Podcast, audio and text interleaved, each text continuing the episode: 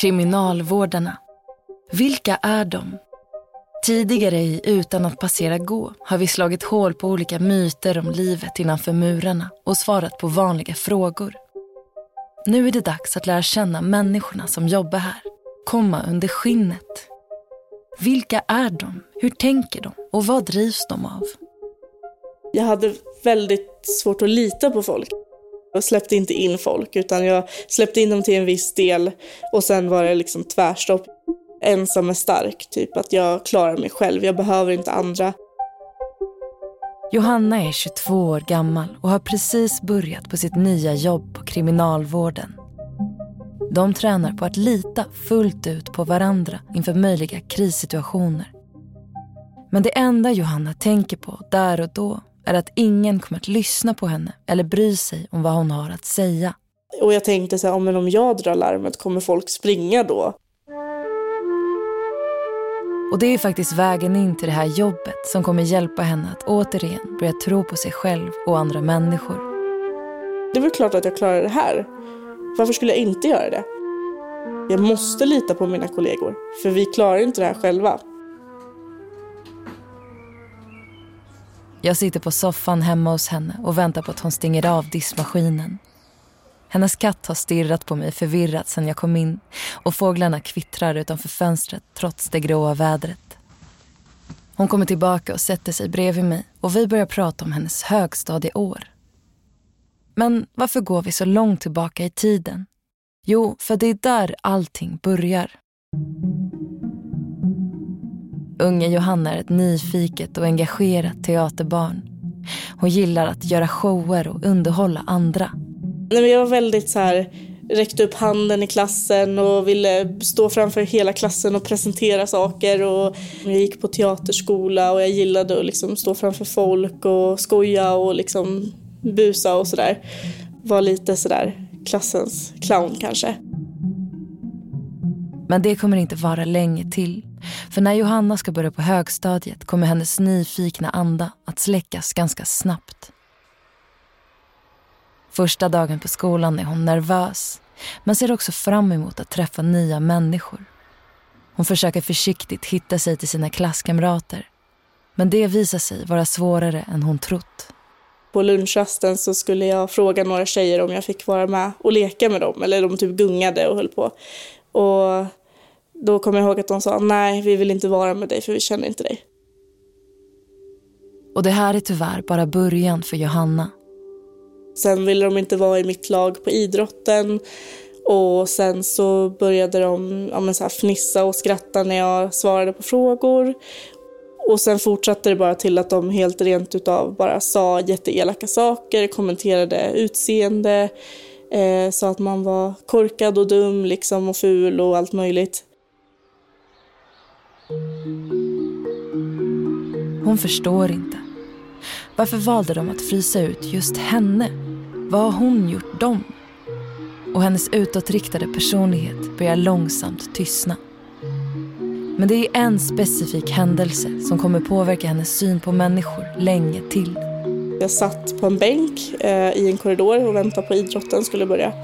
Och så var det då en av killarna som var elaka mot mig, satte sig bredvid mig och började knuffa på mig och liksom eh, försöka typ provocera liksom. Jag flyttade mig och han följde efter och sen så gick det så långt att han slog mig. Eh, och det var till och med en lärare som gick i korridoren men hon sa ingenting. Hon fortsatte bara gå, låtsas som ingenting. Det var ingen som stod upp för mig eller sa någonting utan alla bara låtsades som ingenting och vissa till och med skrattade med och tyckte han var jätterolig. Liksom. Och till och med när Johanna blir mobbad i klassrummet framför lärarna är det ingen som gör någonting. Läraren sa en gång till mig, Johanna du får gå ut ur klassrummet. För att de höll på att kasta sudd och grejer på mig. Och då tyckte de att det var bättre att jag fick gå ut och sitta i ett annat rum. Det är nu Johannas självbild och syn på människor förändras. Och det är drastiskt.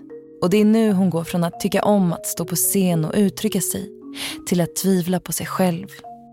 Hon lär sig att hon inte kan lita på någon. Jag ville inte göra någonting utan jag ville bara vara hemma när jag var ledig, gömma mig i rummet liksom. Jag hade lättare till att börja gråta. Eh, jag började gråta för allt och det fick jag också höra liksom, av killarna som mobbade mig att ja, nu ska hon gråta igen. Kolla, nu kommer hon börja gråta. Ja, men om jag säger så här, då kommer hon börja gråta. Det var någonting som de verkligen tryckte på. Vad det här gör med Johanna är att hon med tiden faktiskt börjar tro på det hennes klasskamrater säger till henne. Det var många tankar så här, vad har jag gjort för någonting? Oj, är jag liksom konstig på något sätt? Är jag så ful eller liksom dum eller ja. Ja men de har nog rätt. Varför skulle de börja liksom hoppa på mig om inte det finns någonting bakom det? Johannas föräldrar tar kontakt med rektorn och mobbningen minskar ett kort tag. Det blev lite bättre efter det från just den killen. Men det var andra som fortsatte liksom. Men i allt det här finns det en person på skolan som stödjer henne. Hon går regelbundet till skolkuratorn och där känner hon sig mindre ensam. Och då börjar en ny tanke ta form. Jag vill också eh, hjälpa folk som hon gjorde, för hon var verkligen grym.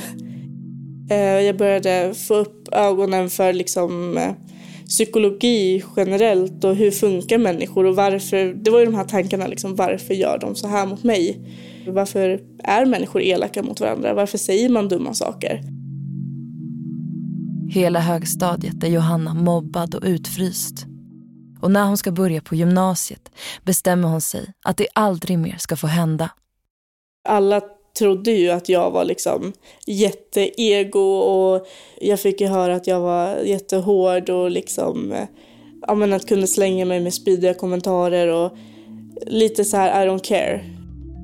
Jag hamnade i mycket tjafs och jag tände till ganska snabbt om det var någon som sa någonting eller la en kommentar och jag skyddade mina vänner kanske lite för mycket och så här. Hon bygger upp ett skydd och förmedlar att ingen får jävlas med henne. Jag eh, släppte inte in folk utan jag släppte in dem till en viss del och sen var det liksom tvärstopp. Jag sa ingen får se mig gråta, eh, ensam är stark, typ att jag klarar mig själv, jag behöver inte andra. Men det var inte så här hon ville att det skulle bli. Jag märkte ju ganska snart att det lönar sig inte att vara så heller. Det här förhåller inte, jag vill inte vara själv hela livet. Jag vill kunna släppa in någon. När Johanna var 15 år kom två personer från kriminalvården till hennes skola. Det besöket minns hon än idag. Ett vanligt tråkigt besök med prat om arbetsplatser för de flesta. Men Johannas öron var på helspänn. Det hon inte visste då är att på den arbetsplatsen skulle hon komma att hitta tillbaka till sig själv. Det var en manlig och en kvinnlig kriminalvårdare. Som många andra hade Johanna en bild av personer som jobbar på fängelse. Stora, vältränade män med en hård yta. Men kvinnan som stod framför klassen var inte alls som den bilden. Och någonting hände Johanna den dagen då började jag tänka, ja men om hon kan jobba så, då borde jag också kunna det. Jag hade ju bestämt mig att jag ska jobba på kriminalvården någon gång. Sen om det är nu eller om fem år, det har jag ingen aning om, men någon gång ska det hända. Men det tar ett tag innan hon vågar ta sig dit. Efter gymnasiet har hon olika jobb och det slutar alltid med att hon ganska snabbt tröttnar. Det har varit kul i början, för jag är alltid väldigt entusiastisk när jag går in i någonting. Men eh, efter några månader, ett år, så känner jag att det här är jättetråkigt. Jag vill inte alls göra det här längre. Johanna är nu 21 år gammal. Hon jobbar på kundtjänst på en bank. Hon vet det inte, men det är nu hon kommer få den knuffen hon behöver för att våga söka sitt drömjobb. Hennes chef erbjuder henne att utbilda nyanställda men så fort hon blir tillfrågad hör hon röster i huvudet som säger att hon inte kan, att ingen vill lyssna på henne. Då, då stod jag, som om man går tillbaka till skolan, som framför en klass nästan. Men Johanna väljer att inte lyssna på rädslorna och tacka ja. Och eh, jag hade en superbra chef och hon trodde verkligen på mig. Och hon sa att du kommer klara det här jättebra, annars skulle inte jag vilja att du gjorde det. Liksom. Hon får för första gången på länge chansen att bli påmind om det hon kände innan åren av mobbning. Det är faktiskt väldigt roligt att eh, lära folk saker, att prata, att eh, känna att man är engagerad i det man gör. Sen hon var 15 har Johanna varit fast besluten att hon ska jobba på kriminalvården någon dag. Tiden som utbildare har stärkt hennes självförtroende och hon känner sig nu äntligen redo att ta steget. Och så tänkte jag att den här gången ska jag få det. Så jag sökte på jättemånga ställen. Jag tror jag sökte på sex, sju olika ställen. Och jag tänkte, det spelar ingen roll vart jag hamnar, jag flyttar. Men folk i Johannas omgivning som har känt henne länge är rädda att hon är för känslig för den typen av arbete. De kommer ju säga elaka saker, kommer du klara det? Det kanske blir tjafsigt och de kallar dig någonting så här, tänk om du bryter ihop då. Det kändes i alla fall som att folk hade väldigt dålig bild av mig och såg mig som en ganska ostabil eller instabil person. Vilket jag själv inte tyckte att jag var. Samtidigt så tände det en liten gnista i mig för jag har alltid haft ganska, ja men, eller varit ganska envis och vetat vad jag har velat hela livet. Johanna är trött på att folk ser henne som svag och instabil.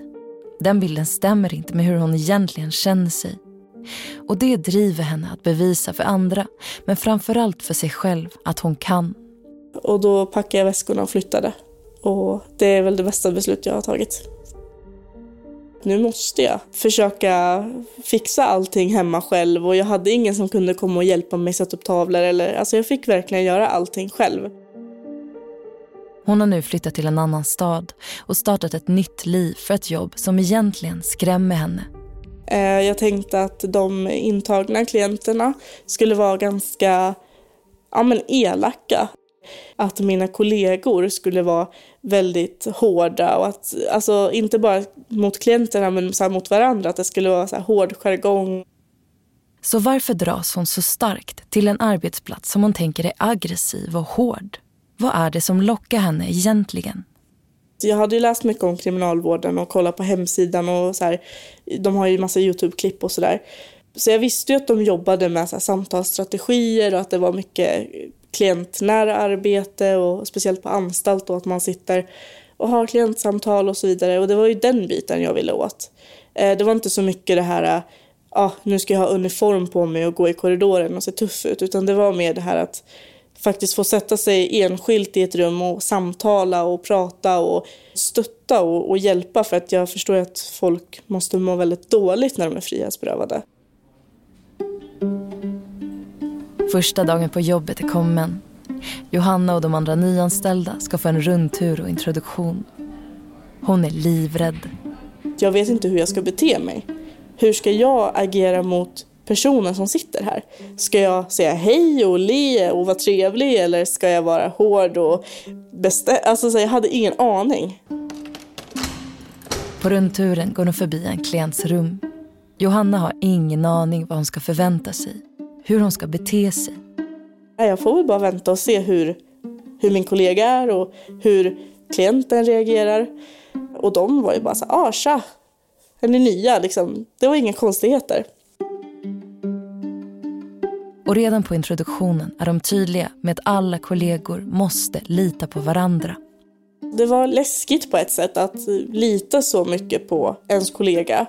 Att veta att om det händer någonting nu så måste jag kunna lita på att han eller hon liksom hjälper mig och inte sticker härifrån och springer åt andra hållet.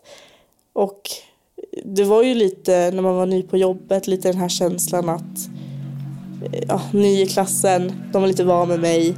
Eh, lite den känslan. Eh, så jag var väl lite rädd att man skulle bli typ utfryst eller vad man ska säga. Och jag tänkte så här, men om jag drar larmet, kommer folk springa då? Men här får Johanna en möjlighet att som vuxen se att hon är trygg. Hon är inte ett barn längre. Hon kan stå upp för sig själv. Och framförallt kan hon lita på andra. Alltså, alla var jättevälkomnande och eh, verkligen visade att de var glada för att man var där och de hjälpte en och man kunde ställa samma fråga hundra gånger och de svarade på den ändå. Liksom. Det var inte, man var inte jobbig eller så. Där började man ändå känna att här, jag måste ju lita på folk. Jag måste lita på mina kollegor. För vi klarar inte det här själva. Och när hon kommer in i arbetet blir det tydligt för Johanna att hon hamnat helt rätt. Jag har fått Eh, så fina kommentarer liksom av klienter när man har suttit själv och sagt tack, det här var verkligen exakt vad jag behövde idag. Och det känner jag att det är exakt därför jag har valt jobbet. Och det är en speciell händelse Johanna minns. Det är en man på häktet som väntar på dom.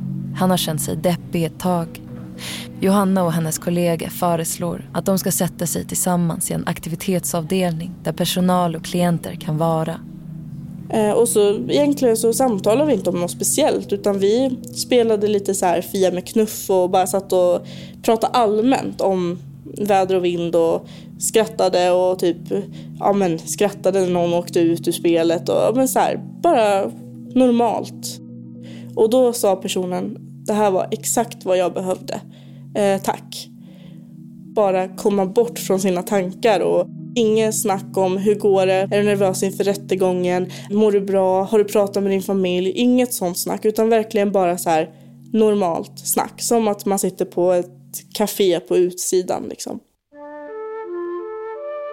Ibland är en arbetsdag fylld av djupa samtal om tunga ämnen och svåra känslor. Och det kommer till och med fysiska utmaningar. Men det kan också se ut så här. Att spela brädspel Fia med knuff och ändå göra skillnad för någon annan. Man vet aldrig hur en arbetsdag kan vara när man jobbar med människor. Det handlar om humör, hur var jag på för humör, vad är han på för humör liksom. Så det är så himla olika men det känns så tacksamt när man får det där liksom. Det här var vad jag behövde eller tack för att du lyssnade eller, eller bara ett skratt från någon som har varit väldigt låg det betyder väldigt mycket och då känner man verkligen att det här jobbet är värt att ta. För det är såklart väldigt tufft ibland också. Det är ju inte kul att se folk må dåligt och mycket psykisk ohälsa. Men eh, jag fick ett väldigt bra tips på grundutbildningen att för att inte bli utbränd, att man försöker skärma av eh, privatlivet och jobbet. Så när jag kommer hem då har jag liksom tagit av mig jobbet och då försöker jag att inte tänka på det mer. Det kan låta förvånande för vissa. Men i Johannas fall är det jobbet på kriminalvården som gett henne tillbaka en tillit på sig själv och andra människor. Min mentor sa alltid till mig, lita på dig själv Johanna. Du kan. Du är bra. Jo men det är väl klart att jag klarar det här. Varför skulle jag inte göra det?